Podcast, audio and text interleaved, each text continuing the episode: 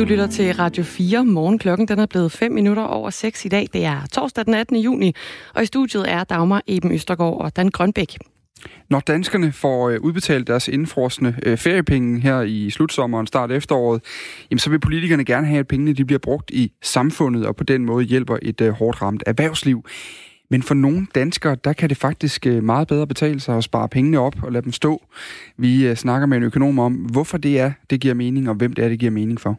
Og når tusindvis af turister de vælter ind over den danske grænse i Sønderjylland, så kan politiet ikke tjekke, om de alle sammen er tyskere. Der skal nemlig også tages hensyn til trafikafviklingen og risiko for trafikuheld, når bilkøerne de vokser ved grænsen. Derfor så er politiet flere gange gået over til stikprøvekontrol frem for kontrol med alle ved grænsen. Det er altså selvom grænsen stadig kun er åben for turister fra Island, Norge og Tyskland. Regeringen må gøre noget, lyder det fra enhedslisten og DF. Mere om det senere på morgenen. Og så skal vi også snakke om flåter, fordi de er primært kendt for at bære sygdommen Borrelia. Men nu har man fundet TBE-virus i flåter i Nordsjælland. TBE-viruset, det ser man ellers normalt kun på Bornholm og i vores øh, nabolande. Og vi kommer til at tale med en ekspert om, hvordan du kan gardere dig, når du skal i skoven. Og altså også, hvor alvorligt det her TBE-virus egentlig er. Godmorgen. Godmorgen. Vi starter til gengæld i USA, hvor øh, Byen Palmdale ligger i Kalifornien. Den 10. juni der ser en øh, forbipasserende en sort mand hænge ud fra et, øh, hænge fra et træ uden for øh, rådhuset. 24-årige Robert Fuller han var i død, og efter tre dage så konkluderer det lokale politi, at der er tale om et selvmord. It appears that Mr. Fuller has tragically died by suicide. A full autopsy Ja, som man kan høre, så bliver der i bud af Palmdales sheriff Ron Schaefer, og der var i højlytte protester fra Robert Fullers familie, der ikke mener, at han var selvmordstroet. Her er det hans søster Diamond Alexander. My brother was not suicidal. Come on, there it is. He wasn't. Min bror var en overlever, sagde Robert Fullers søster altså også. Godmorgen, Stine Krohmann Dragsted. Godmorgen. Med os fra USA, hvor du har fulgt den her sag. Hvorfor frygter Robert Fullers familie og mange andre borgere i Kalifornien, at der altså ikke er tale om et selvmord? Jamen, de synes, at det er nogle underlige omstændigheder, at Robert Fuller øh, er død under. Altså, øh, for det første det her med, at han skulle have hængt sig det her meget offentlige sted. Altså, hvor, hvor usædvanligt det er, at man, hvis man begår selvmord, vælger at hænge sig selv foran et rådhus. Øh, de har undret sig over, at der ikke er blevet fundet nogen stol eller noget, han måske skulle have brugt for at kunne hænge sig selv. Øh, de spørger, hvorfor der ikke er fundet optagelser, videooptagelser fra overvågningskameraer. Øh, det siger myndighederne, at man ikke har, men det er jo, der er altså et rådhus, der er en kirke, der er forretninger i nærheden. Øh, grundlæggende så stiller øh, familien det her spørgsmål, er det fordi, at en sort amerikaner som Robert Fullers liv bliver betragtet som mindre værd, at politiet ifølge dem ikke har efterforsket den her sag grundigt nok. Og det er jo et spørgsmål, som resonerer med befolkningen, ikke bare i Kalifornien, men rundt om hele USA, der jo lige nu stadig demonstrerer for sortes rettigheder og, og imod racisme. Og Robert Fuller, han er altså ikke den eneste sorte mand, der er blevet fundet hængende fra et træ i en offentlig park. 10 dage før Fullers død, der blev den 38-årige Malcolm Hash fundet hængende i et træ uden for byen Victorvilles Bibliotek, en by, der ligger bare 80 km fra Palmdale. Hvad ved vi om de her to sorte mænd, sine Roman Dragsted? Ja, altså Malcolm Harris, som altså er den første, der blev fundet hængt i et træ, igen et offentligt sted ude for et bibliotek. Han boede i en teltlejr for midlertidigt hjemløse tæt ved det her bibliotek, Øh, fam, hans familie, øh, der, der de fleste af dem bor i Ohio, øh, altså ikke i Kalifornien, de siger, at de blev, de, da de blev kontaktet af politiet, så var politiets spørgsmål meget fokuseret på, om Malcolm her, om han havde haft alkohol- og stofmisbrugsproblemer. Øh, der blev også talt om, at coronakrisen jo betyder, at der kan være flere selvmord. Men hans familie holder også på, at Malcolm ikke var deprimeret, at han ikke virkede som en mand, der ville begå selvmord, også selvom han havde nogle problemer i sit liv. Robert Fuller, altså den 24-årige unge mand, der blev fundet 10 dage efter, hans familie og venner beskriver ham som en rolig og glad øh, ung fyr, som elskede musik og videospil, holdt sig for sig selv, og kun få dage før han døde, der var han med til en Black Lives Matter demonstration, og det er også derfor, vi hører hans søster Diamond Alexander sige, han var en overlever, han var en, der ikke ville give op. De her to sorte mænd, de bliver altså fundet hængende døde i, øh, i træer med 10 dages mellemrum, ikke ret langt fra hinanden, bare 80 kilometer. Hvor usædvanligt er det? Det er enormt svært at sige, men det vi kan sige, det er, at USA er et af de vestlige lande, der har den højeste selvmordsrate. Altså ikke mindst øh, blandt hvide og sorte mænd, øh, der er der mange, der begår selvmord, hvis vi sammenligner med andre øh, højindkomstlande. Øh, og selvom de fleste sorte mænd, øh, der begår selvmord her i USA, de øh, skyder sig selv, de bruger øh, øh, skydevåben øh, til at begå selvmord, så er hængning det næst mest brugte øh, metode. Øh, det er også rigtigt, at der under coronaepidemien har været mange flere selvmord, også blandt sorte amerikanere og andre minoriteter, som jo er den del af den amerikanske befolkning, der er blevet hårdest ramt af, af både sygdommen og også de økonomiske konsekvenser. Men i et land, der lige nu er i oprør over rasuroligheder, øh, over problemer med politiet, så kommer der jo nu pludselig fokus på den her slags sager også, og om politiet efterforsker dødsårsagen ordentligt. Og det, som en demonstrant øh, sagde til radiokanalen NPR herover, det var, hvis en 24-årig hvid mand var blevet fundet hængt uden for et rådhus, så ville der være blevet grænsket i det, og der havde været ramaskrig. Nu har myndigheder i øh, Palmdale jo så meldt ud, at de øh, trækker konklusionen om, at den 24-årige Robert Fuller, han øh, begik selvmord. Den trækker de tilbage. The initial report appeared uh, to be consistent with a suicide, um, but we um, felt it prudent uh, to to roll that back uh, and continue to to look deeper. Vi vil kigge nærmere på sagen, siger Jonathan Lucas, Palmdales retsmediciner, altså her. Også øh, politiet og FBI, de siger, at øh, de vil kigge på, kigge på sagen. Og både øh, politiet og FBI, de siger altså som sagt det her med, at de vil undersøge sagen nærmere nu, Stine Krohmann Dragsted. Der er, jo, der er jo flere borgere i de her to byer, der ligefrem mener, at de to sorte mænd, de blev lynchet på grund af deres hudfarve. Vi kan lige prøve at høre et eksempel her fra to sorte kvinder fra byen, som CNN har talt med.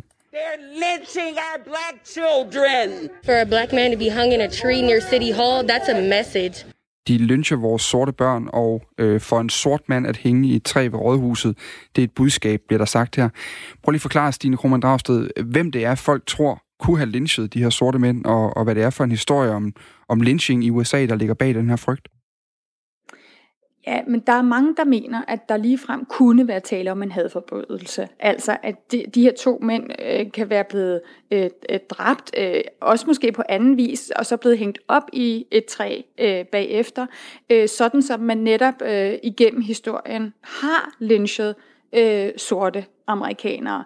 Øhm, der er sket en, had, en stigning i hadforbrydelser mod sorte amerikanere øh, gennem øh, den tid, Trump har været præsident. Øh, der har ikke været øh, øh, lynchinger, så vidt som, som jeg ved, ikke noget, der har været offentligt kendt. Øhm, og vi skal lige sige, det er jo et meget lille segment i USA, øh, der kæmper stadigvæk for vidt overherredømme.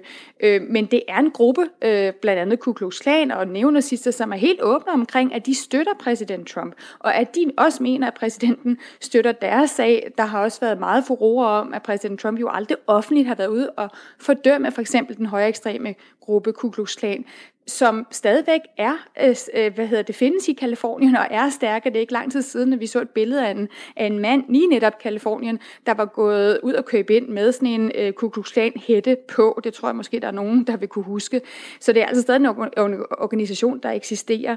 Men altså, øh, det, det er jo en arv, som det hvide USA bærer rundt på, når det gælder lynchinger af sorte. Altså, øh, i to til tre sorte amerikanere blev lynchet hver uge i sydstaterne fra slutningen af 1800-tallet til starten af 1900-tallet. Altså over 4.000 mennesker i den her periode. Mange var unge mænd og drenge, og de fleste blev netop hængt i træer. Så det har en meget stærk symbolik, og vi skal også lige huske på, at den sidste kendte lynchning fandt altså sted helt frem i 1981 i Mobile, Alabama, og det var en 19-årig Michael Donald, som helt tilfældigvis blev taget af netop Ku Klux medlemmer og taget og hængt i et træ.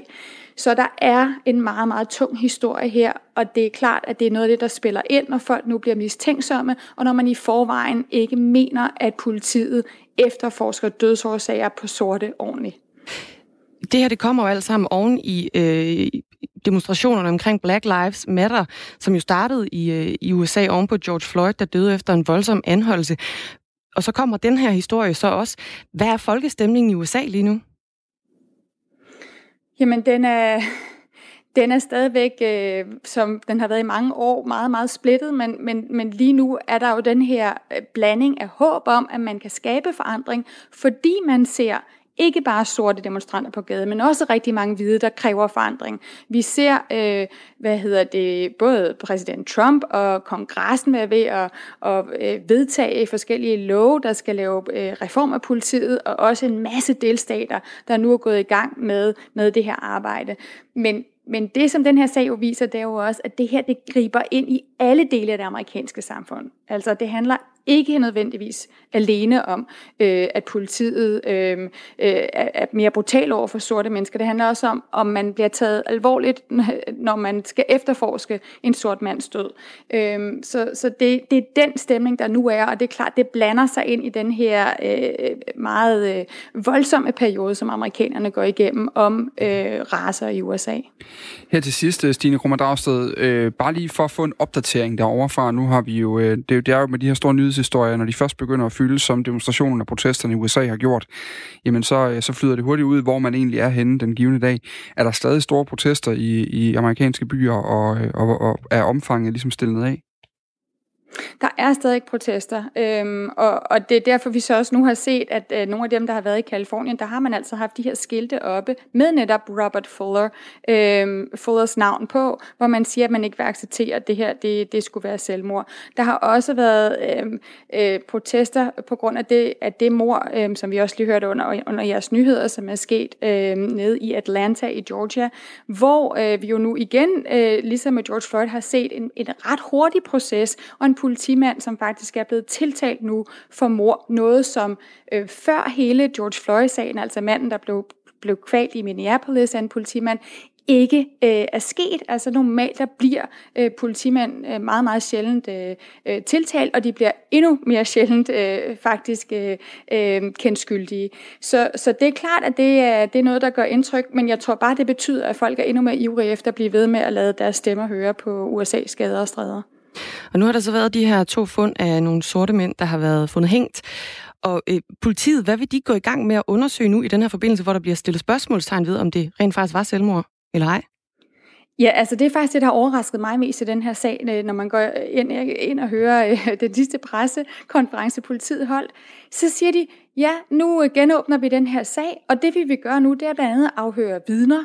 Altså det vil sige, de har faktisk ikke afhørt de folk, som for eksempel har fundet de to sorte mænd, der hang i de her træer.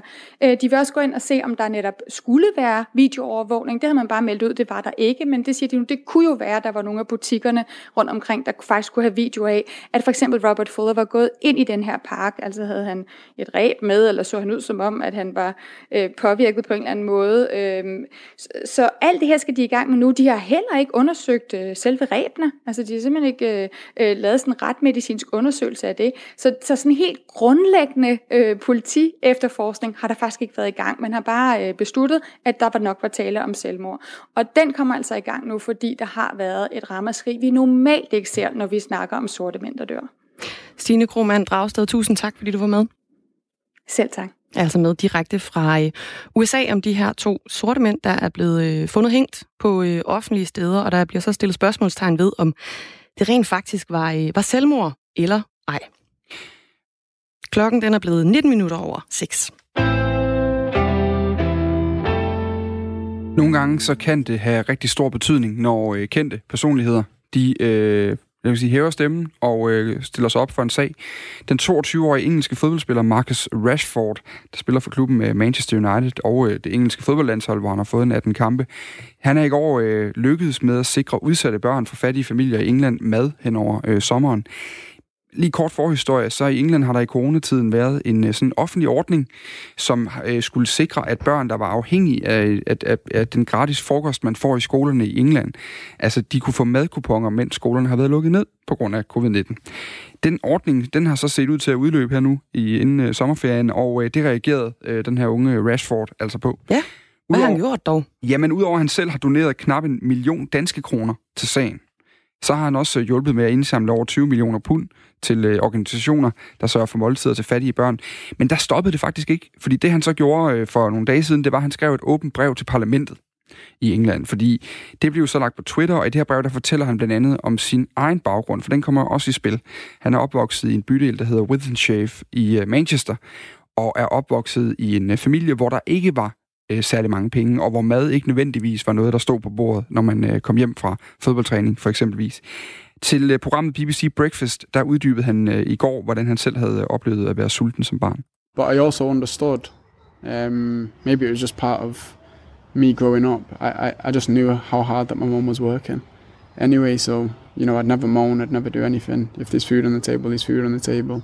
If there's not, I, I had friends that understood my same situation. And maybe it was possible for me to go to their house, get some food or whatever.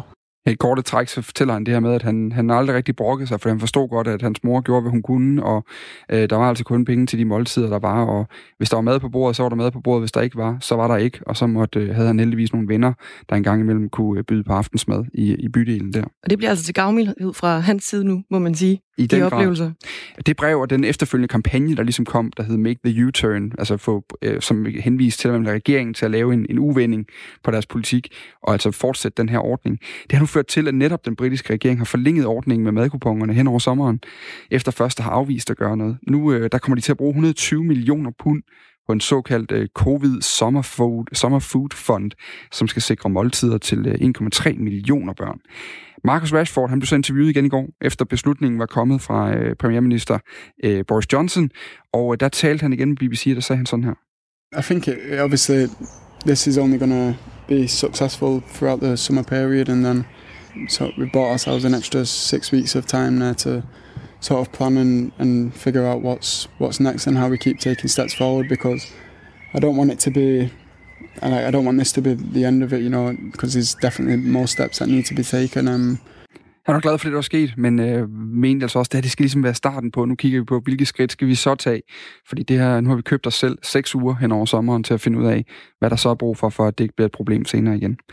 Det passer meget godt med timingen for ham her Rashford. Som Ja. jeg sagde i starten, så spiller han jo for Manchester United. Ja. Og øh, den engelske Premier League, den er lige gået i gang igen. Bum. Bum, efter covid. Han skal spille i øh, morgen aften for Manchester United mod øh, Tottenham, så øh, det kan han jo så koncentrere sig fuldt ud om nu. Så vi ønsker god kamp. En naturlegeplads i øh, Tisvilde i Nordsjælland, den er blevet lukket, da man har fundet flåter inficeret med den frygtede TBE-virus. Normalt så finder man den altså ellers kun på Bornholm og i vores nabolande, men i øh, de seneste år der har den altså spredt sig til andre dele af Danmark. Godmorgen, jeg så går. Godmorgen. biolog ved Naturstyrelsen. Vi har en lille smule forsinkelse på, øh, på linjen her, kan jeg høre, så vi må lige være gode ved hinanden. Hvad er det farlige ved den her TBE-virus? Ja, det er den i yderste konsekvens, der kan den give øh, en hjernehindebetændelse, jo som selvfølgelig kan være rigtig farlig. Øh, så derfor så er det en, øh, en virus, man er meget opmærksom på. Og, og hvad vil det sige, en hjernehindebetændelse? Hvad kan den betyde for et menneske? Så det kan jo betyde, kan man sige, i værste konsekvens jo, at, at man rent faktisk kan dø af det, eller så kan man få nogle, nogle, nogle rigtig ubehagelige øh, senskader, altså med, med lammelser og ting og sager. Så det er, det er en, en bakterie, som man er meget, meget, meget, øh, kan man sige, opmærksom på, og synes, at det vil være en, man, man, kan man sige, tager de forholdsregler, man kan for at undgå, at den, øh, den kan smitte folk. Jeg så godt, vi prøver lige at ringe dig op en gang, fordi der er simpelthen så øh, meget forsinkelse på den her linje, så vi forsøger lige at øh, give dig et kald på telefonen. Vi snakkes videre om lidt. Og i mellemtiden kan vi jo sige, at den langt øh, mest almindelige sygdom for de her, fra, for de her flåtbide, det er altså borrelia. Omkring 15 procent af alle flåter i øh, Danmark, de anslås at have øh, borrelia-bakterien i sig. Og den giver sådan et øh, karakteristisk udslæt omkring det sted, hvor flåten har øh, bidt, hvor man kan få sådan nogle røde Det er sådan ringe. nogle røde plamager, ikke? Lige Man skal præcis. lave en lille øh, tusstreg om, har jeg hørt, for at holde øje med, om den spreder sig. Yes, lige præcis. Øh, Det kan den gøre efter et par uger, hvor man skal holde rigtig grundigt øje, med den. Desuden øh, kan man øh, på baggrund af borrelia opleve muskelsmerter og, og hovedpine. En mere sjælden sygdom, det er altså den her TBE, som står for Tick-Borne Encephalitis.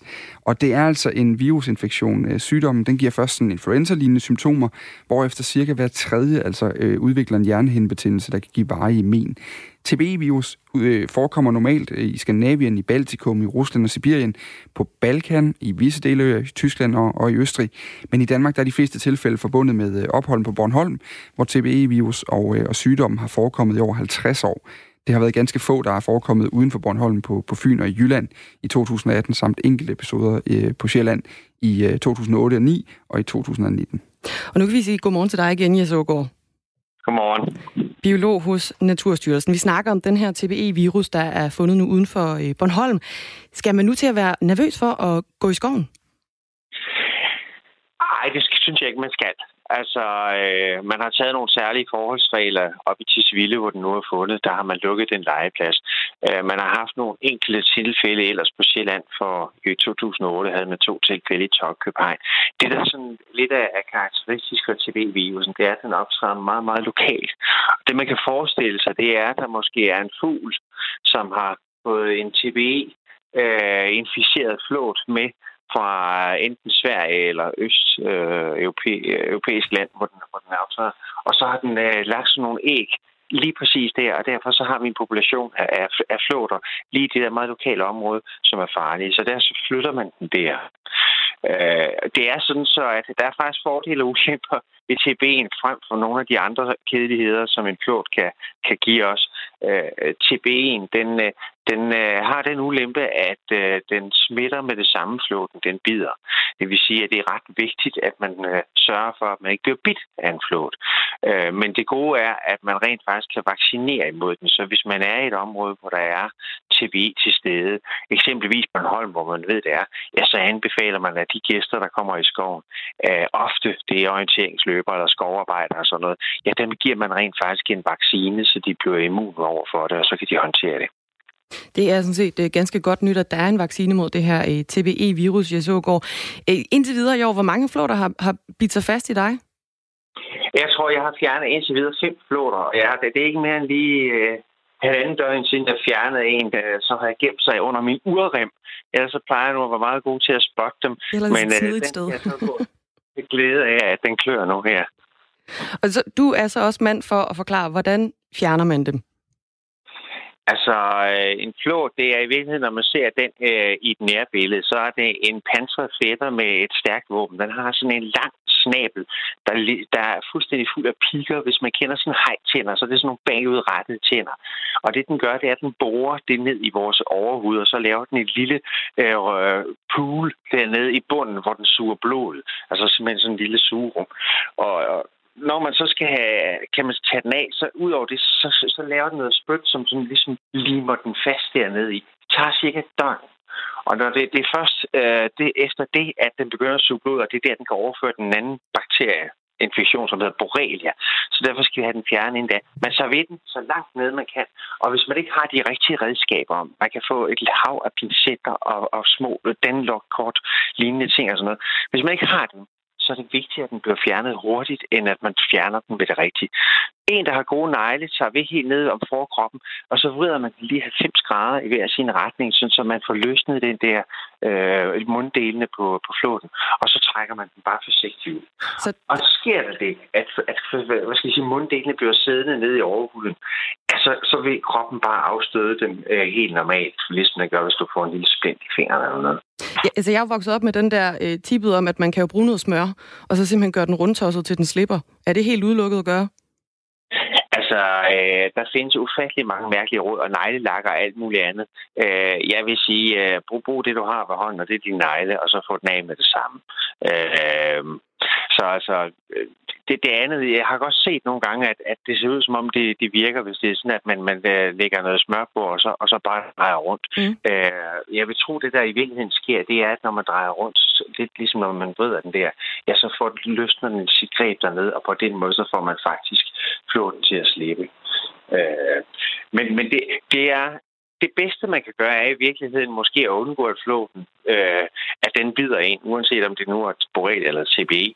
Og der, der har jeg så nogle generelle råd, som handler om, at øh, plejer at kalde modellen når man skal ud i skoven. Og det er her, det her skovfænomen, de findes ikke ude på de åbne græsmarker og, og, og enger og sådan noget, fordi den kan ikke tåle udtørring. Den skal være inde under træerne, hvor der er en højere luftfugtighed. Så skal man i skoven, så tage lange bukser på, øh, og så stramme den ind i, øh, uden over buksen, sådan, så der er lukket til. Og så kan man så se, hvis det er sådan, der kommer flot op på bukserne, så kan man lige børste masser. Eller man kan bare nøjes med at gå på, på veje og brede stier, hvor der ikke er græs, øh, høj græs, fordi det flåten, den gør det her, når det er godt vejr, så kravler den op i toppen af græs, så sidder den der og venter på, at der kommer noget lækkeri forbi. Jes Ågaard, tusind tak for tips og tricks. Kan I have en rigtig god dag. I lige måde. Biolog hos øh, Naturstyrelsen. Nyhedsoverblikket det presser sig på, og Anne Philipsen hun står klar.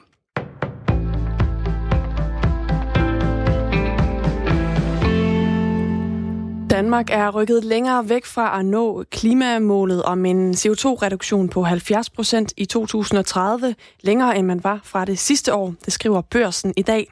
En fremskrivning fra Energistyrelsen viser, at Danmark uden yderligere tiltag vil have reduceret udledningen med 44 procent i 2030, hvis man ser på i forhold til niveauet i 1990. Sidste år viste en fremskrivning fra styrelsen ellers, at udledningen her ville være reduceret med 46 procent, når vi nåede år 2030. Radikale Venstres klimaordfører Ruben Kide mener, at regeringen har gjort for lidt og for sent. Det viser jo bare, hvor travlt vi har, og hvor vigtigt det er, at vi endelig nu her sidder og forhandler om en, en forhåbentlig historisk øh, klimaaftale. Enhedslistens klimaordfører Maj Villassen kalder Energistyrelsens regnefejl her for dybt bekymrende. Jeg synes, det går for langsomt med den grønne omstilling, og det har jeg heller ikke været øh, bleg for at sige til klimaministeren og regeringen. Vi skal have sat turbo på den grønne omstilling, hvis vi skal nå vores meget ambitiøse mål. Klimaminister Dan Jørgensen siger til børsen, at der endnu er lang vej til at nå målet. Vi har med de første dele af regeringens klimahandlingsplan, for eksempel affaldsaftalen, taget vigtige skridt på vejen, men vi er langt fra i mål, lyder det fra Dan Jørgensen. Og netop den her affaldsaftale, den er heller ikke indregnet i fremskrivningen her. Forventningen er, at den vil kunne mindske udledningerne med 700.000 ton CO2. Med det regnet ind, så vil Danmark dog stadig være rykket længere væk fra klimamålet, hvis man sammenligner med sidste år. For målet er nemlig at rykke en, rykke en million ton CO2 længere væk end sidste år samlet set, skriver børsen. Regeringen har planer om at få gang i forbruget igen ved at sende milliarder af feriepenge tilbage til danskerne.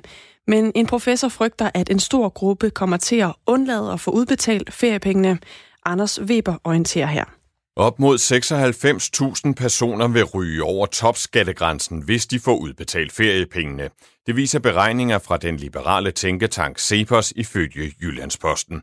Og det kan betyde, at en stor gruppe vil undlade at få pengene udbetalt stik imod den politiske hensigt.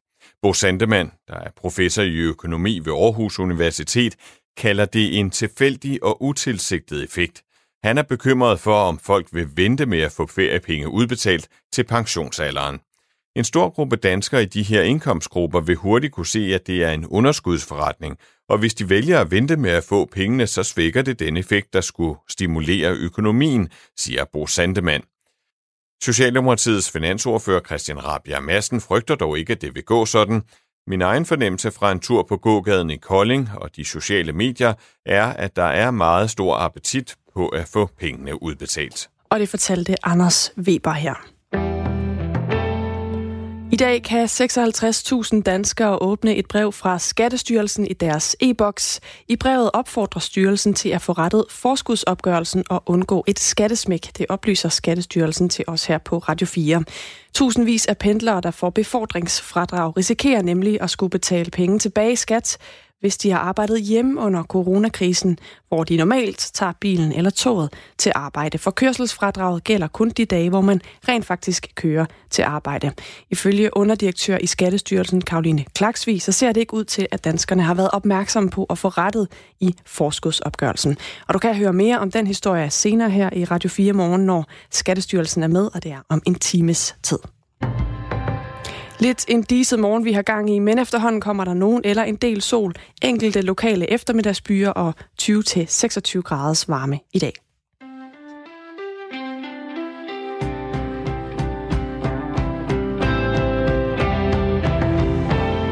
26 minutter i syv stod klokken, og du er stået op til Radio 4 morgen i dag med Dagmar Eben Østergaard og Dan Grønbæk. Og øh, nu skal vi til den her historie, der også lige, hun også lige var kort inde på i nyhedsoverblikket, Anne Philipsen, som handler om uh, de her indfrosne feriepenge, vi jo har talt usandsynligt meget om de seneste uger. Fordi øh, når vi nu alle sammen kan få udbetalt de her penge, så er det jo, øh, bliver det op til os selv om vi ønsker at få udbetalt dem, det er i hvert fald det, der er lagt op på, eller om vi vil vente til, vi går på pension med at lade pengene øh, komme til os til gode. Det var regeringen, der havde meldt det ud i går. Ideen med at betale danskerne deres feriepenge nu, var ellers, at pengene vi skulle ud og arbejde, ud i erhvervslivet, vi skulle ud og bruge dem øh, til sommer, vi måtte ordentligt gerne gå ud og bruge dem på forskud. Så sikkert var det, at de ville komme, fordi det var vigtigt at få samfundet og erhvervslivet i gang igen. Men for nogle danskere, der kan det faktisk bedst betale sig at spare pengene op. Godmorgen, Søren Hove Ravn. Godmorgen. Lektor på Økonomisk Institut øh, på Københavns Universitet. Kan du ikke først lige sætte os ind i, hvordan, hvordan kan det bedst betale sig at spare pengene op? Det kan jo virke åbenlyst, men der er jo lidt særlige ting omkring det her. Ja, der er, nogle, der er jo øh, dels nogle forskellige skatteregler. Nu hørte vi lige øh, det her øh, i, i jeres eget nyhedsoverblik, at, øh, at det måske i første omgang slet ikke kan betale sig at tage pengene ud. Det er så den ene del af det, at, at man kommer til at få et skattesmæk, hvis man gør det. Øh, den bekymring kan der være for nogen. Og øh, for andre kan det være sådan, at man kan, man kan spare, sætte dem ind på en, øh, på en pensionsopsparing, og, øh, og på den måde har der floreret nogle beregninger om, at så kan man øh, sådan, hvis man har det lange lys på, hvis man kigger i forhold til sit eget livsperspektiv og sin egen livsindkomst, øh, så kan det sådan set øh, være, øh, være en bedre forretning at få penge udbetalt, når man, det gælder for eksempel, hvis man betaler topskat i år igen, øh, at man så venter med at få dem udbetalt til, når man går på pension, hvor man måske ikke betaler topskat længere, så på den måde kunne der være en gevinst i at, at udskyde det for nogle grupper. Øh, en ud, vi lige sige ganske kort, en udbetaling af op til de her tre ugers øh, indfrosne feriepenge ventes at finde sted senest i oktober her i år. Øh, det var jo Nikolaj Vammen, vores finansminister, der annoncerede det natten til mandag efter forhandlinger om den her såkaldte sommerpakke. I alt handler det om cirka 60 milliarder kroner, der skal ud til danskerne med den klare intention at stimulere den danske økonomi, som, som jo er hårdt ramt af coronakrisen. Du var lidt inde på det i forhold til topskat her, Søren Hoveravn, men hvem er det, det giver bedst mening for at spare pengene op i stedet for at bruge dem? Jamen, det vil så netop være, være de mennesker, der ligger øh, enten og med sikkerhed betaler topskat, eller måske dem, der ligger lige på vippen, hvor, hvor feriepengeudbetaling kan være det, der gør, at man lige præcis hopper ind i topskattegruppen og, og rammer, øh, og rammer topskattegrænsen der, der kommer over den. Øh, det, det er de grupper, det vil, øh, det vil være mest relevant for, altså dem, der enten med sikkerhed, eller, eller måske lige præcis kommer til at betale topskat i, i 2020. Øh, det er primært der, at den her beregning vil være relevant. Men, men vil det så ikke, at topskatten, nu må du lige, det kan godt være, det bliver sådan en øh, økonomisk øh, lektion, eller dem, man har på første semester, men, øh, men omkring topskattegrænsen her, altså det vil så kun være de ekstra penge, man lige kommer over, man betaler topskat af, eller hvordan? Ja, det er rigtigt, det er rigtigt, men det kan man sige, hvis, øh, hvis det lige præcis er hele feriepengeudbetalingen, der, der står til at blive, øh, at blive beskattet med topskat, så kan det jo stadigvæk godt være en, øh, en pæn besparelse, man kan få, hvis man i stedet øh, for eksempel vælger at få dem sat ind på sin egen pensionsopsparing. Øhm, og, så, øh, og så på den måde kan undgå øh, at betale topskat nu, og så få dem udbetalt på et tidspunkt, hvor man måske ikke øh, betaler topskat længere, hvis man for eksempel er, er gået på pension og derfor har en lavere indkomst. Øh, det er rigtigt, det er ikke sådan, at det betyder, at hele ens indkomst så lige pludselig øh, skal beskattes med en højere sats. Det har du, det har du helt ret i. Søren Huveravn, vi har fået en sms allerede på den her. Det er Michael Rosenborg, Rosenborg der ja. skriver, hvordan kan det gå ud over skatten? Der er jo betalt skat af feriepengene én gang. Øhm, det er øh, både rigtigt og forkert, fordi de her, de her, når øh, de her 60 milliarder kommer til at blive betalt ud, øh, så, så, bl- så skal der betales skat af dem. Øh, så det er, øh, så det er ikke, det er ikke, altså det er penge, som, som vi skal beskattes af. Det er det, det, det, der har floreret de her 60 milliarder, det er et før skattebeløb. Øhm, så vi kommer til at betale skat af dem, når, øh, når de bliver udbetalt, og på den måde, på den måde kommer de her begræns, eller hvad hedder det, de her overvejelser, jeg lige gav, til at være relevante. Vi lige prøve at tage, fordi en ting er jo topskatteyderne, øh, eller dem, der ligger lige på grænsen, som du siger, som, øh, som kan blive skubbet ind, ind i gruppen, eller ud over grænsen, eller hvordan yes, man nu ser yes. på det, ja. af det her. men, men giver det så ikke mening at spare op for de danskere, der ikke betaler topskat, eller som ikke er i, i, i risiko for det? Øhm, altså nu har jeg ikke, øh, jeg har ikke været, været løbet de her beregninger igennem selv for, for, for alle grupper, så, så jeg vil ikke sådan lægge hovedet på blokken for det her til morgen, men, men øh, sådan som jeg lige har hørt debatten de sidste par dage, så har den primært sigtet mod, øh, mod topskatteydere, at det primært er der, at det her er relevant. Mm. Øhm, og, og så kan man sige, en anden ting er selvfølgelig også, at, at en ting er, hvad der giver bedst mening, øhm, hvis man, som jeg sagde før, har det lange lys på. Men det er jo ikke sikkert, at, at alle husholdninger står i en situation, hvor man, hvor man sætter sig ned og kigger på, hvad giver bedst mening, øh, hvis jeg ser på, på det her i et meget rationelt og, og langsigtet perspektiv. Det kan være, at der er nogle grupper, for eksempel, der har mistet deres, deres job her i coronakrisen, og hvor, øh, hvor det måske øh, mest af alt er af akademisk interesse, at det, kunne være, at det kunne være en bedre forretning at spare pengene op, fordi hvis man står nu her og har svært ved at få sin øh, reducerede indtægt til at dække de udgifter, man har, så er der nok gode chancer for, at feriepengene kommer til at blive, øh, kommer til at blive brugt alligevel, selvom det måske øh, egentlig kunne give god mening i en økonomisk forstand at spare dem op for, for, for nogle af de grupper også. Mm. Der er jo det ved de her ord, at de her penge, de skulle bruges til at stimulere et samfund lige nu. Altså, øh, og det er jo det, politikerne sådan meget klart har intenderet med at, at, at give os adgang til vores egne feriepenge, som mange har sagt. Hvad, hvad er det, de kan gøre for at sørge for, at de her udbetalte feriepenge bliver brugt? Har de nogle værktøjer i den, i den værktøjskasse? Øh, man kan selvfølgelig... Øh, altså, bundlinjen er jo, at i sidste ende så er danskernes egne penge, egne penge, og derfor øh, vil det være ultimativt øh, de enkelte danskere, der kommer til at bestemme, skal, skal pengene bruges, eller skal de spares op. Politikerne kan selvfølgelig forsøge at gøre forskellige ting mere eller mindre attraktive. Nu hører vi den her, begræns, eller den her betænkning om, at, at nogen kommer til at betale topskat, og der var der, jo et forslag allerede om, at man så kunne, kunne lave en midlertidig, øh, altså man midlertidigt kunne sætte topskatgrænsen op, sådan så at, øh, at det lige præcis ikke bliver et problem. Og sådan kan man tænke sig til andre øh, måder, hvor man kan gøre det mere eller mindre attraktivt at, øh, at forbruge pengene, eller gøre det mere attraktivt, hvis så er det politikerne skal se på, mm. øh, på forskellige måder. Altså for eksempel ved at benytte sig af skattesystemet, netop hvis det her er skatte øh, mæssige betragtninger, jamen, så kan politikerne jo pille ved skattesystemet og se, om de kan, om de kan rykke på den. Altså i sidste ende, så vil det være op til danskerne, om pengene skal ud, eller om de skal, øh, eller om de skal blive på, på, på kontoen, eller, eller hvor, de nu, hvor man nu vælger at have dem stående pensionsopsparing, eller så videre. Tak for de tidlige morgenvurderinger her, Søren Hovravn. Velkommen. Altså lektor på Økonomisk Institut øh, på Københavns Universitet, som gjorde os en lille smule klogere på, øh, på de her indforskende feriepenge, og om, det egentlig er den, øh, om der egentlig er god ræson, god økonomi i at lade dem stå på kontoen i øjeblikket, selvom det jo ikke er det, politikerne vil have til at gøre. Vi vender øh, snuden mod dyreriget, fordi først så skal du lige høre den her lyd.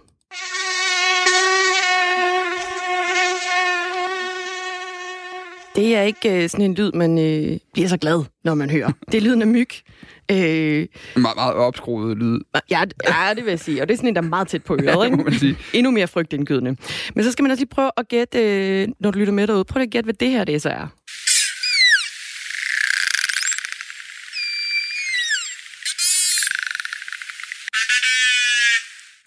Det sidste, du hørte her, det var et klik, summelyde og kald fra narvaler. En valart, der er øh, kendt for at have en øh, snod stødtand, der stikker lige frem ud fra, øh, ud fra hovedet. Vi skal snakke om det her, fordi de her to dyr, de sådan set har, øh, har noget til fælles. Øh, en myg og en narval, simpelthen. Nu kan vi sige godmorgen til dig, Kåre Hartvig Jensen. Godmorgen. Lektor. Tak, fordi du måtte være med. Jamen selv tak. Lektor ved Institut for Fysik på Danmarks Tekniske Universitet. Du har øh, sammen med en række andre forskere fremlagt helt ny forskning om naturens pigge, altså blandt andet myggens snabel og, og narvalens stødtand. Hvad er det, I har fundet frem til? Jamen, øh, som I lige har illustreret, så kan man sige, at der er rigtig mange ting, der stikker. Og det er den observation, vi har startet ved. Og det, vi har fundet ud af, som er nyt, det er, at de alle sammen er designet på den samme måde. Og det betyder jo ganske enkelt, at de har den samme form. Og øh, det er meget overraskende, øh, fordi de har meget forskellige størrelse, og så er de også lavet af forskellige ting. Og det håber vi selvfølgelig kan bruges til at lave mere effektive nåle, for eksempel, der er billigere eller mere stabile end eksisterende. Så de, jeg skal lige have de her, fordi de er lavet efter de samme mål. Hvad, hvad vil de sige? Altså, hvordan, øh, hvad er det for nogle regnestykker, der ligger bag der? Hvad er det for nogle regnestykker? Det, det er et rigtig godt spørgsmål. Så man kan sige, at en god nål, den skal ligesom kunne to ting. Ikke? Når man stikker den ind, så skal den øh, kunne modstå den friktion, der er i det væv eller materiale, man prøver at stikke ind i. Så det er ikke anderledes, end hvis man stikker i sin bøf derhjemme i køkkenet eller graver i haven. Så skal man trykke til med en vis kraft. En god stikker, den skal samtidig kunne holde til det. Øh, så den skal, man skal undgå, at den lad os sige, knækker sammen eller folder. Og tynde ting, det ved vi alle sammen, de har en, en større tendens til at knække sammen. Så den her balance mellem at kunne trænge ind og ikke folde eller knække, det gør så, at de skal have en, en speciel form. Og den form, det, det betyder helt konkret, at de har en bestemt åbningsvinkel, altså de er spidse på en bestemt måde. Og den har vi så fundet ud af, at det er faktisk den samme for alle de ting, der stikker i naturen, eller mange af de ting i hvert fald. Og, og hvordan, hvordan er den helt rigtige måde at være spids på, så skal jeg lige være klog på her? Ja, men den er, hvad skal vi sige, hvis man, hvis man kigger både på narvalen og på, på den øh, myg, I havde, så er den spids på den måde, at den har en åbningsvinkel på cirka halvanden grad. Øh, og det kan man sige, det betyder simpelthen, at der er et bestemt forhold mellem, hvor lang stikkeren er, og hvor bred den så er i den tykke ende, kan vi sige. Ja, og det er netop det forhold, der viser sig at være, være bevaret, eller som er det samme på utrolig mange levende organismer. At, at, kan du ikke give nogle eksempler på, hvad er det dyr, de bruger den her, det her overlegne stikkedesign til? Jo, det kan du tro. Det er et rigtig godt spørgsmål. Så hvis man kigger helt ned i den mindste skala, så er sådan noget som virus, de bruger faktisk stikker til at holde sig fast på overfladen af celler. Og de stikker, som virus bruger, er måske omkring 75 nanometer lang. Og det er, det, det, det er ligesom de korteste stikker, øh, jeg kender til i hvert fald. Så er der også noget som mikroorganismer, alger, øh, der lever i havet, og de bruger, øh, de, de har stikker lavet ud af et materiale, der minder meget om glas. Og det simpelthen får dels at undgå at blive spist, og så bruger de dem også som sådan et, et, et slags, øh, hvad skal vi sige, øh, flydevinge, så de ikke synker for hurtigt til bunds. Så er der nogle andre, for eksempel i planteriget, der kender vi jo alle sammen kaktusen for eksempel, der, som jo er et forsvar mod øh, dyr, der prøver at spise planter. Det er utrolig udbredt. Der er også nogle mere snedige strategier, som mange sikkert kender, nemlig brandnælden, hvor man kombinerer øh, nålen eller spidsen med gift, der så bliver sprøjtet ind i det øjeblik, man begynder at røre ved dem. Blandt insekter, der er forskellige ting, man kan bruge stikker til. Man kan bruge dem til forsvare sig med, som bier og vipse for eksempel, eller man kan bruge dem til at drikke, som øh, myg gør, som vi, vi hørte før. Så er der også, øh, hvad skal vi sige, mindre landdyr, sådan noget som pindsvin, igen en, en, en forsvarsmekanisme. Der kommer, kan vi komme op i det lidt større dyr, hvis øh, du gerne vil have fortsætter. Øh, noget som antilope, for eksempel. Jeg vil faktisk lige, ja, ja, ja, lige forstyrre dig, Kåre Hartvig Jensen, fordi ja. jeg, nu, jeg, jeg, har, jeg har jo haft glæden af tidligere måske arbejde en lille smule med videnskab, også som journalist. Og noget af det, jeg altid sidder og tænker på, når jeg hører sådan nogle ting som det her, det er, hvordan delen er I kommet i gang med det her? Hvad, hvor kom ideen fra? Det er et rigtig godt spørgsmål. Så ideen kom fra, at vi startede med at kigge på, øh, øh, vi, vi vil gerne stikke ind i nogle bestemte planteceller, øh, som sidder på overfladen af et blad. Og til det formål, så er man nødt til at lave sin egen nåle. Man ja. kan ikke købe nåle, der er fine nok til det her. Så der lavede vi nogle nåle, det gør man ganske enkelt ved at varme et stykke glasrør op og trække i det. Og så får man en nål på den måde. Det, der så øh, ofte sker, det er, at det er en dårlig nål. Og det vil simpelthen sige, at når man prøver at stikke i noget, så knækker den. Og det var jeg øh, irriteret over, at det skete efter det, så begyndte vi så at kigge på, jamen, hvordan gør brændenælden det så? For eksempel, den havde nogenlunde den rigtige størrelse, vi skulle bruge. Og så begyndte vi at studere brændenældens stikkemekanisme, og så, at den har den og den form. Og så fik vi ideen til at kigge på andre ting, der stikker. Udmærket. Og til sidst her, fordi en ting er så, at I fik et øh, godt råd til, hvordan I kunne øh, øh, stikke ind i de her planteceller. Men er der noget, vi mennesker ellers kan lære fra det her design i naturen? Altså kunne man for eksempel designe ja, så noget, hvor en... det gør mindre ondt at få taget blodprøver, for eksempel? Helt bestemt. Så vores øh, designkriterie, det er ligesom en måde, hvordan man laver det, altså både økonomisk billigste, men også den mindst invasive øh, stikkenål. Og der, der kan man se, hvis man kigger på mange, for eksempel søm eller kanyler, så er de faktisk overdesignet. Så selvom nat- øh, menneskeskabte ting også følger de her designprincipper, sådan øh, generelt, så er der bestemt mulighed for forbedring. Kåre Hartvig Jensen, tusind tak, fordi du var med her. Selv tak. Lektor på øh, Danmarks Tekniske Universitet. Og vi skal lige huske at sige, at den her øh, opdagelse, den er altså blevet offentliggjort i det anerkendte videnskabelige tidsskrift Nature Physics. Øh, det synes jeg, det er, jo, det, er jo, det er jo ret fascinerende, naturen egentlig har svaret på stikkedesign. Ja, så næste gang du hører den her lyd, så kan du lige tænke lidt over, at du simpelthen er blevet stukket med et overlænt stikkedesign af en myggesnæbel. Intet mindre. 12 minutter i syv blev klokken. Du lytter til øh, Radio 4 morgen. Øhm, regeringen og et flertal af folketingspartier, de har åbnet op for, at turister fra Tyskland, fra Norge øh, fra Island siden i mandag så kunne rejse ind i Danmark. Det er alle lande med et øh, lavt coronasmittetryk. Men ved den dansk-tyske grænse, der er der så mange, der gerne vil ind i landet, at politiet flere gange er gået over til stikprøvekontrol frem for at øh, tjekke alle, der holder ved grænsen.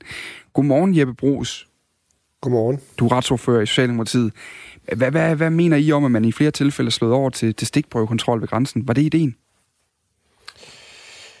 Altså, nu fastsætter vi jo nogle rammer for øh, indrejse, øh, og vi har nogle anbefalinger til udrejse, og, øh, og så er det jo så politiet, der håndterer den praktiske del af det. Og, øh, og det er det store hele tryk, at de kan administrere. Hvor, hvor, øh, hvor meget kan I holde styr på, at de rammer bliver overholdt, hvis man ikke tjekker alle, der holder ved grænsen? Jamen, det er næsten et ledende spørgsmål. Jeg tror, jeg, lytterne godt kan høre. Altså, øh, vi har jo haft øh, grænsekontrol, som jo også har været altså, øh, mere, øh, hvad hedder man, skal man sige, stikprøveagtig øh, mod den dansk-svenske grænse tidligere, øh, og vi har også haft det i en længere periode mod den dansk-tyske grænse, som har været mere omfattende. Øh, og det er klart, at den grænsekontrol selvfølgelig skal være mere grundig i den her tid, fordi det er jo, øh, den har været mere restriktiv, end den har været ellers. Hvor, hvor vigtigt er det, altså lad os vente om at sige, hvor vigtigt er det for regeringen, at det, det kun er turister fra de lande, I har godkendt, som kommer ind i landet? Jamen, det, det er klart, det er vigtigt, men, men øh, øh, og håndteringen af det, kan du sige, øh, begynder selvfølgelig at blive pres på nu, fordi det har jo ikke været sådan tidligere heller, at øh, den, den grænse mellem Danmark og Tyskland var åben på den tyske side, skal vi lige huske. Så det har også været sådan, at tyskerne har haft deres grænser lukket. Øh, og nu begynder grænserne så at åbne op i Europa, og det vil sige, at der vil være et større øh, gennemstrømning øh, af, af folk, øh, der, kan, der kan bevæge sig rundt. Øh, og det er også derfor, øh, det som øh, vi har præsenteret, er, at vi kommer med en model for, hvordan kan vi også åbne øh, grænserne mod øh, Europa, baseret på modeller for, hvordan øh, udviklingen går i forhold til den her øh, coronavirus, som jeg bare må minde om, jo altså ikke er forsvundet endnu. Nej, nej, det er den lige sikkert. Det er også derfor, at det, det kan godt være, at det, det bliver ledende i Jeppe så det, det er jeg sikker på, at det alle godt kan høre, men det er jo også et vigtigt spørgsmål, der hedder, at hvor sikker kan man være på, at de retningslinjer, man har indført i den her vigtige situation, som du selv siger, at de faktisk bliver overholdt, hvis der kun bliver lavet stikprøvekontrol? Ja, men, men nu, er, øh, nu er det jo kun i mandags, at vi, øh, at vi åbnede for grænserne for flere formål, end det, der hele tiden har været åbent, nemlig jo for erhvervsdrivende, for godstransport og for anerkendelsesværdige formål, og nu åbner vi så også op for turisterne. Og det vil sige, at der selvfølgelig mere pres på, øh, på, på grænserne. Øh, og i grænselandet øh, har vi jo så også lavet en model for, at man kan bevæge sig, øh, at der er flere, der kan bevæge sig hen over grænsen, fordi man jo også gør det, og gør det i sin dagligdag for mange vedkommende. Men, men i sidste ende, så de her ting, I beslutter, er de ikke ligegyldige, hvis der kun bliver lavet stikprøvekontrol? Altså, kan man være sikker på, at de ting faktisk bliver overholdt, at det er de mennesker, man har godkendt for de lande, man har godkendt, der kommer ind i landet, hvis man ikke tjekker alle? Altså, i, i, i, de store, øh, i det store billede, så, øh, så er det nu min opfattelse, at de fleste faktisk overholder de, øh, de vejledninger og de love og regler, der, der findes, både hvad angår os danskere, men jo også af andre. Så det er op til dem, der kommer ind i landet og, og kigge på reglerne, og, og vi skal ikke være afhængige af, at man skal kontrollere dem? Nej, det er det selvfølgelig ikke. Selvfølgelig skal der være kontrol, og der skal også være en tæt kontrol. Øh, og, og om øh, Ja, det skal der være. Mm. Vi kan lige sige, ifølge Rigspolitiet, der må man jo rejse ind i Danmark, hvis man har fast bopæl i Tyskland, Norge eller Island, og har booket et ferieophold med minimum seks overnatninger. De tilrejsende, de skal så øh, fremvise relevant dokumentation, som Rigspolitiet definerer som, det kan være en, en bookingbekræftelse, eller et lejebevis for et hotel, eller en campingplads, eller et uh, sommerudlejningsbureau. Ifølge DR, så siger politiinspektøren ved øh, Syd- og Sønderjyllands politi, på hedder Brian Fussing, at politiet løbende vil tage stilling til, om der skal være fuld kontrol eller ej ved hver af de fem åbne øh, overgangen. Syd- og Sønderjyllands politi de har så oplyst til os her på Radio 4, at der tirsdag også blev overgået til stikprøvekontrol i, øh, i flere timer på grund af mange biler. Tidligt mandag morgen overgik politiet også til stikprøvekontrol. Jeppe Brugs, øh, retsordfører for Socialdemokratiet, at det var jo helt centralt, da regeringen valgte at åbne grænserne til Tyskland, Norge og Island, og ikke for eksempel Italien og Sverige, da, da coronasmittetrykket var, var lavt i lige præcis Tyskland, Norge og Island. Altså, er der noget, der har ændret sig siden da? Ja, vi følger hele tiden udviklingen, og, øh, og der er jo også, at vi er også på vej med en model for, at, endnu, at vi kan åbne for endnu flere lande i Europa, øh, baseret på, på smittetryk. Øh, og hele udgangspunktet for vores genåbning af Danmark, men også genåbning af grænsen, øh, handler om at være i kontrol, og handler om at holde øje med, at vi øh, kan håndtere den situation, der er. Hvor godt i kontrol er I lige nu, hvis politiet i flere timer tirsdag og mandag morgen har lavet stikprøver, og altså ikke har tjekket alle, der er på vejen i landet? Jamen, det, det vil jeg mene, at vi er. Altså, øh, og, og jeg er tryg ved, at politiet kan håndtere situationen øh, ud fra de, øh, øh, ud fra de retningslinjer, der er. Men, men det siger de jo så, de ikke... Altså, de siger, de har været nødt til at overgå til stikprøvekontrol, fordi der er rigtig mange, der vil ind. Altså, presset har simpelthen været for stort til, at man kunne tjekke alle. Har det aldrig været ideen, at man skulle tjekke alle, eller hvad? Jamen, vi skal lige huske, at indtil i mandags, der har den tyske grænse mod Danmark jo været lukket, som jeg sagde. Og nu begynder vi så at åbne op. Øh, og, øh, og det vil sige, at de tyske grænser mod deres naboland har også været lukket, og grænsen, grænsespørgsmål håndteres lidt forskelligt øh, ja. i Europa. Øh, så, øh, så jeg vil nu øh, tro, at mange af dem, der bevæger sig hen over grænsen, er jo øh, folk, som også lever i grænselandet øh, og har deres daglige gang. Men er vi nødt til, vi er nødt til at forlige os på, at vi tror det, at vi håber, det er sådan, det er, når vi ikke tjekker dem? Er vi ikke det? Det, det er klart, at, ja, at uh, skulle man have ressourcer til at tjekke hver eneste bil, øh, eller hver eneste grænsegænger, der går over, øh, det, det er jo ikke sikkert, at det er realistisk. Altså på de dage, hvor der er meget tryk på, øh, og så bliver det jo så stikprøvekontrol. Øh, øh, ligesom at den øh, grænsekontrol, vi i øvrigt har haft midlertidigt, jo også har været været præg af dels af stikprøvekontrol, men også af, at, at de betjente, der står ved grænserne, tager nogle konkrete vurderinger af, hvem de holder ind til siden. Hos Dansk Folkeparti, der er gruppeformand og retsordfører Peter Skorup. Han er bekymret over, at politiet de altså ikke tjekker alle biler, der kommer sydfra. Vi hører lige et klip med ham her.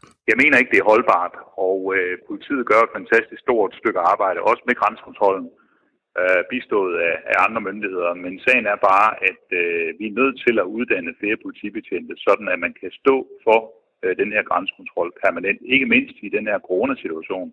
Fordi øh, vi ved jo, at når Tyskland åbner grænsen, så kommer der personer sydfra, som kommer fra lande, hvor smitterisikoen er væsentligt større end øh, det tilfælde i Tyskland, som har forholdsvis godt styr på coronaen.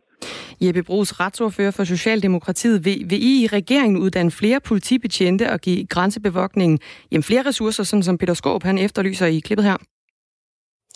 Ja, vi er jo allerede i gang med at uddanne flere betjente øh, i år, øh, end det, der ellers var lagt op til. Og, øh, og så har vi jo lavet de her politikadetter, altså en uddannelse til politikadet, som jo også har til formål at kunne varetage opgaver omkring grænsekontrol og bevogtning det hele taget, også for at aflaste politiet. Øhm, så, så det er jo noget, vi arbejder med, og nu kommer vi også til at snakke med Dansk Folkeparti og de andre partier om, hvordan vi tilrettelægger arbejde i de, i de kommende år i forhold til politiet. Det, det er noget, I er i gang med at uddanne flere politibetjente og flere kadetter, men hvad, hvad vil I gøre nu og her så? Jamen, altså, der er jo ikke nogen snuptagsløsninger, og det tænker jeg heller ikke, Dansk Folkeparti har, med al respekt. Øh, der er jo en virkelighed derude, der handler om, at øh, det er klart, at når, når, øh, når grænserne åbner i Europa igen, øh, og når tyskerne åbner deres grænse, så kommer der selvfølgelig mere tryk på, og det skal det også, fordi vi har jo sådan set også lavet en aftale om at åbne for grænselandet, så vi kan få en, en lidt mere normal øh, tilstand omkring øh, det danske grænseområde. Øh, og, og det er jo noget, vi alle sammen er optaget af. Øh, så, så vi forstår det sådan, der er ikke flere ressourcer på vej. Altså, der er simpelthen ikke, I, i gang med at allokere flere betjente ned for at få styr på grænsen lige nu. Det skal jeg ikke kunne sige noget om. Altså, det, det er jo du politiet, der varetager... så det er vel netop dig, der skal sige, hvad jeg tænker, jeg gør det, ikke det? Jo, med al respekt, så sidder jeg i Folketinget, og vi laver nogle rammer, øh, og så har vi sådan set tillid til, at politiet kan udfylde de rammer. Øh, og jeg synes ikke, det er min opgave at sidde og detaljstyre politiets opgave at arbejde på den måde. Men det er, er faktisk det... noget, det vi er enige om, at vi skal prøve øh, at have lidt mere tillid til, øh, men, men det, at det handler vores ikke ligesom, offentlige ansatte her, politiet ting, også kan håndtere det. Det handler jo også om, at man siger, altså, er, er reglerne om, hvem der må komme ind i Danmark, som er ret konkrete, det er ned på landeniveau, altså hvilke turister, der må have lov at komme ind. Er de mm. dybest set ikke ligegyldige, hvis man ikke tjekker, hvem det er, der kommer ind? Jo, hvis der slet ikke var nogen kontrol, så er det ligegyldigt. Men det er jo ikke det, der er tilfældet. Nej, der er stikprøvekontrol, som ikke tjekker alle. Kan du så være Ej, sikker på... Hvis, hvis, hvis, nu, hvis jeg nu tager for gode varer, hvad I, hvad I fremlægger, det har ikke grund til andet at gøre, øh, så vil der være perioder, hvor der kan godt være meget pres på, hvad der er stik på, men der vil også være perioder, hvor der er øh, mere kontrol. Ja. Øh, og der kan også være forskel på de forskellige grænseovergange. Øh, og nu har man jo åbnet flere grænseovergange mod Tyskland. Så for fuldstændig skyld, så, øh, så må man jo sige, at, at, øh, at det kan selvfølgelig godt se lidt forskelligt ud er det givetigt i forhold til at kunne styre, hvem der kommer ind i landet i øjeblikket, at der er perioder, hvor der kun er stik på kontrol ved grænsen? Jamen, der er en virkelighed, der handler om, at hvis der, når, når vi nu laver øh, en lidt mere normal øh, tilstand, altså det vil sige, og det er jo så det også mål, vi har haft, om at lave en normalisering af grænseområdet, hvor man kan bevæge sig frit, øh, øh, over grænsen. Altså helt frit er det så ikke, fordi man kan blive... Øh, Nej, men, man skal jo kunne dokumentere, hvad ens øh, bopæl eller ens færden, ikke? Jo, men, men der er så ikke nogen, der tjekker den dokumentation, hvis der er stikprøve. Så kan du sagtens køre igennem, uden det bliver tjekket. Det er bare lige, ja, nej, altså er det givetigt for jeres regler for, hvem der må komme ind? Altså, der er nyheder lige om 10 sekunder, så det er egentlig bare lige ja, nej til sidst, jeg vil bruge så. Jamen, jeg har, jeg har, tryghed, jeg har tryg ved, at politiet kan løfte den opgave, og hvis de mangler ressourcer øh, og har brug for at allokere flere ressourcer, så er jeg også tryg ved, at de finder ud af det. Tak fordi du var med her til morgen, Jeppe Brugs. Selv tak. Retsordfører for Socialdemokratiet. Nu er klokken syv. Der er nyheder.